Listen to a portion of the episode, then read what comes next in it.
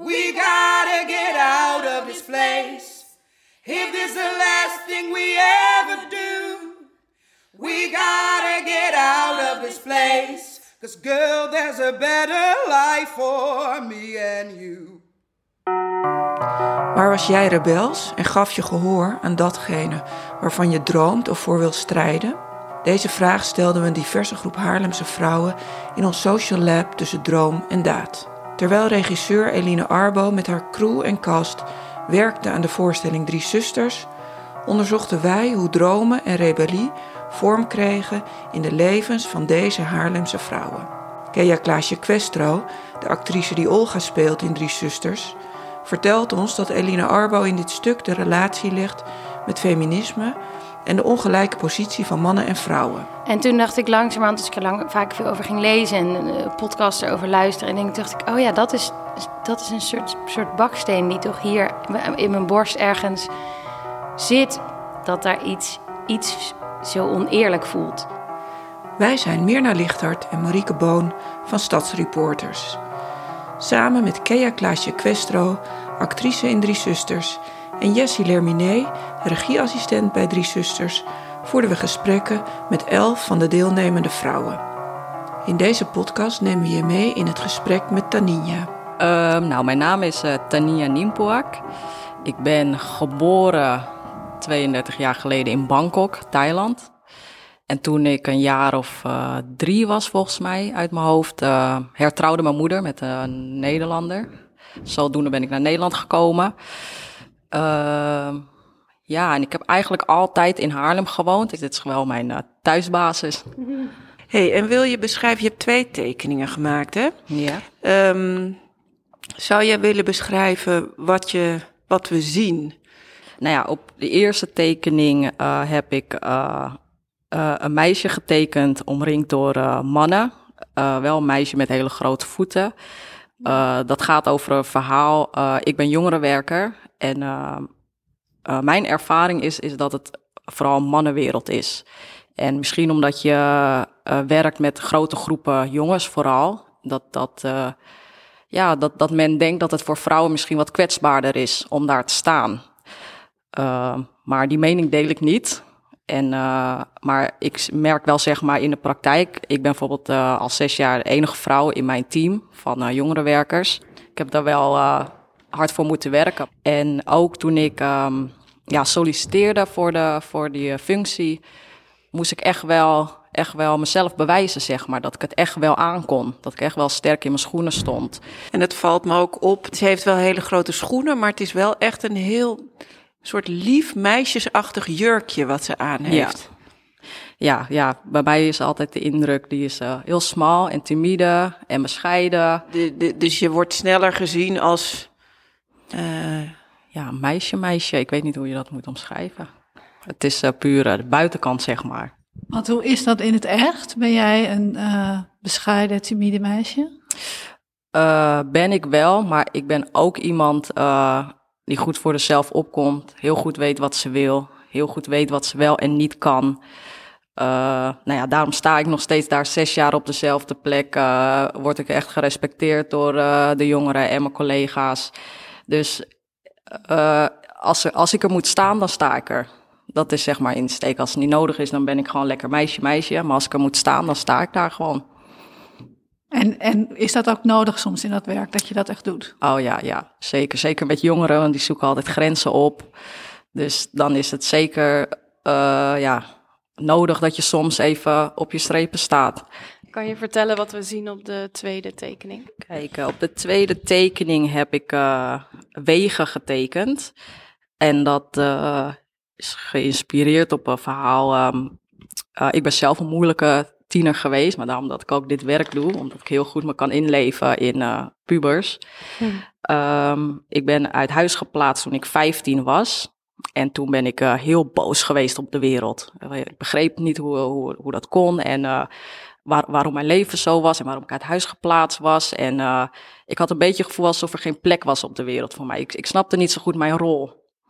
Dus ik heel uh, boos geweest, uh, heel erg gaan puberen, stoute dingen doen, drinken, roken, hangen, alles wat, wat hangjongeren doen, zeg maar. En dat was gewoon een beetje mijn leven. Ik, ik had voor mezelf geen toekomstperspectief. Ik, ik zag gewoon niet wat ik nou zou moeten doen. Um, nou ja, van de een op de ander. Op een gegeven moment was ik 18 en toen dacht ik, nou ik heb nou zoveel jaar mijn leven in boosheid geleid. Het kost heel veel energie om altijd maar boos te zijn. En overal met de mm. pet nagegooid. Ik zat niet meer op school.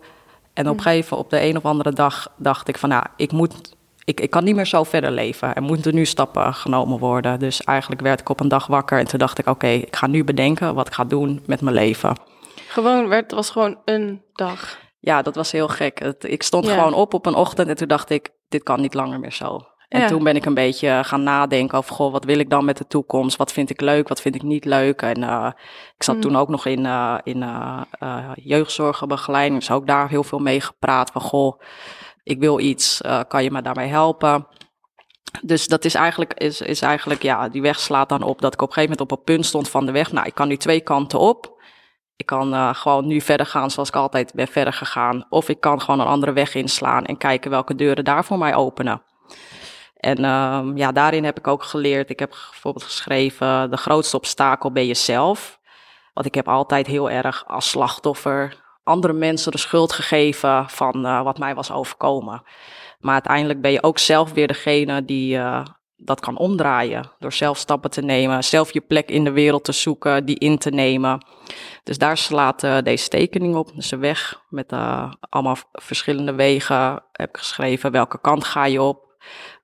keuzes die je zelf maakt. Je bent zelf je grote obstakel. En er is een plek op de wereld voor iedereen. Dus ook voor jou.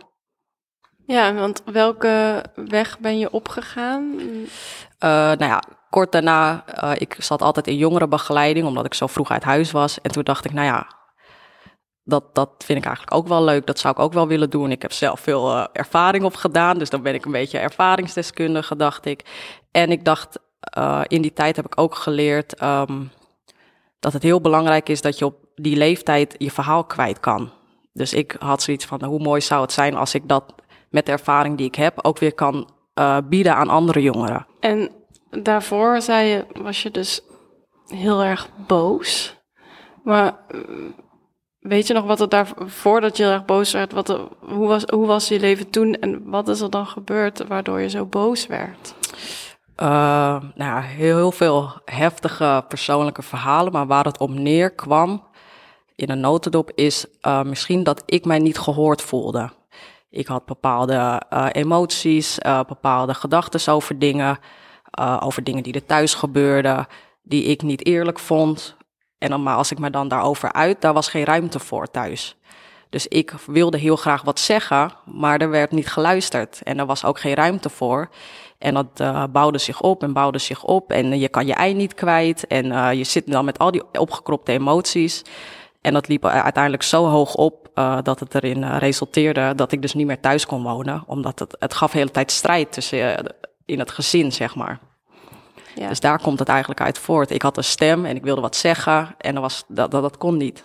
In, in mijn ogen was mijn broertje heel vrij en die mocht alles.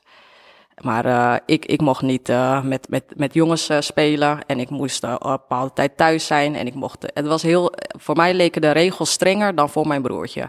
En dat was ook altijd iets wat een beetje wrijving gaf. En nou ja, toen we ouder waren, heb ik het wel eens met mijn broer erover gehad of hij dat ook zo heeft ervaren. Want misschien was het misschien alleen in mijn eigen hoofd dat het zo leek. Want mijn moeder dus zegt, nou ja, ik heb altijd mijn best gedaan jullie gelijk te behandelen. En ik geloof ook echt wel dat, dat haar intentie is geweest. Maar toen ik het aan mijn broer vroeg, toen zei hij van, eigenlijk zei hij van, nou ja, nee, ik, ik vind eigenlijk ook dat ik, ik werd heel erg vrijgelaten en jij mocht niks. Dus hij heeft het ook uh, zo ervaren.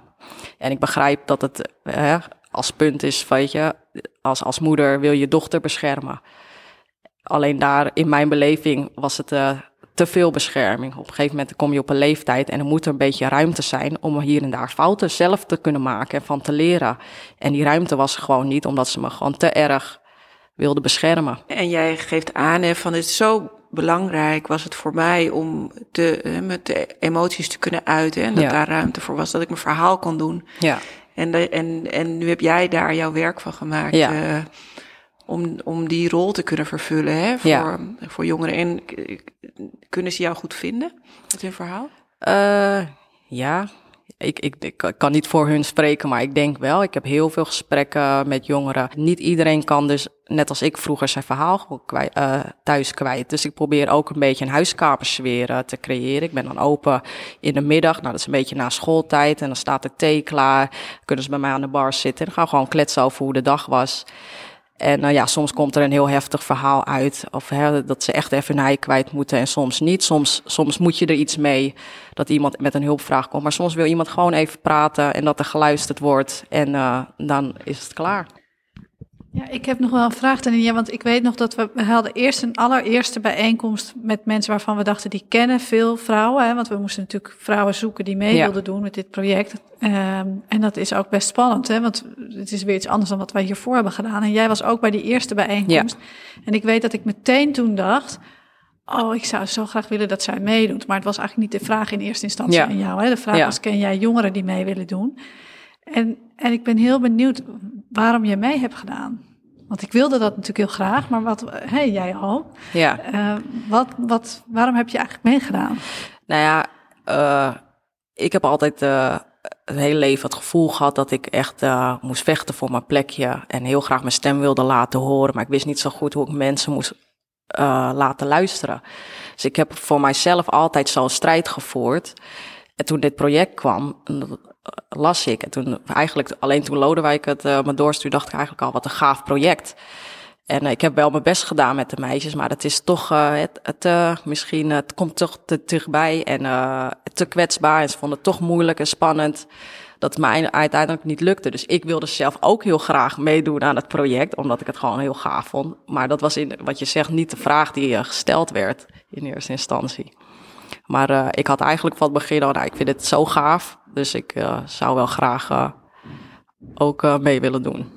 Tof. En hebben we dat waar kunnen maken? Was het ook leuk om mee te doen? Ja, zeker. Ik, wat, wat ik echt heb gemerkt is hoeveel bijzondere vrouwen er eigenlijk hier wonen. Wat, wat een mooie verhalen iedereen eigenlijk heeft. Maar ook het besef opnieuw weer van, ja, aan de buitenkant zie je niet zoveel. Maar mensen hebben best wel een rugzakje gewoon. Dus dat, uh, ik vind dat wel mooi, zeg maar, dat ik dat heb uh, kunnen zien. En dat iedereen zo open is geweest. En alle mooie vrouwen die je leert kennen. Dat vond ik echt uh, het mooie eraan. ja, ik echt me nog wel af hoe je wat je allemaal hebt geleerd en meegemaakt meeneemt in, het, in de opvoeding van je kinderen. En wat je hoopt voor hen in de toekomst.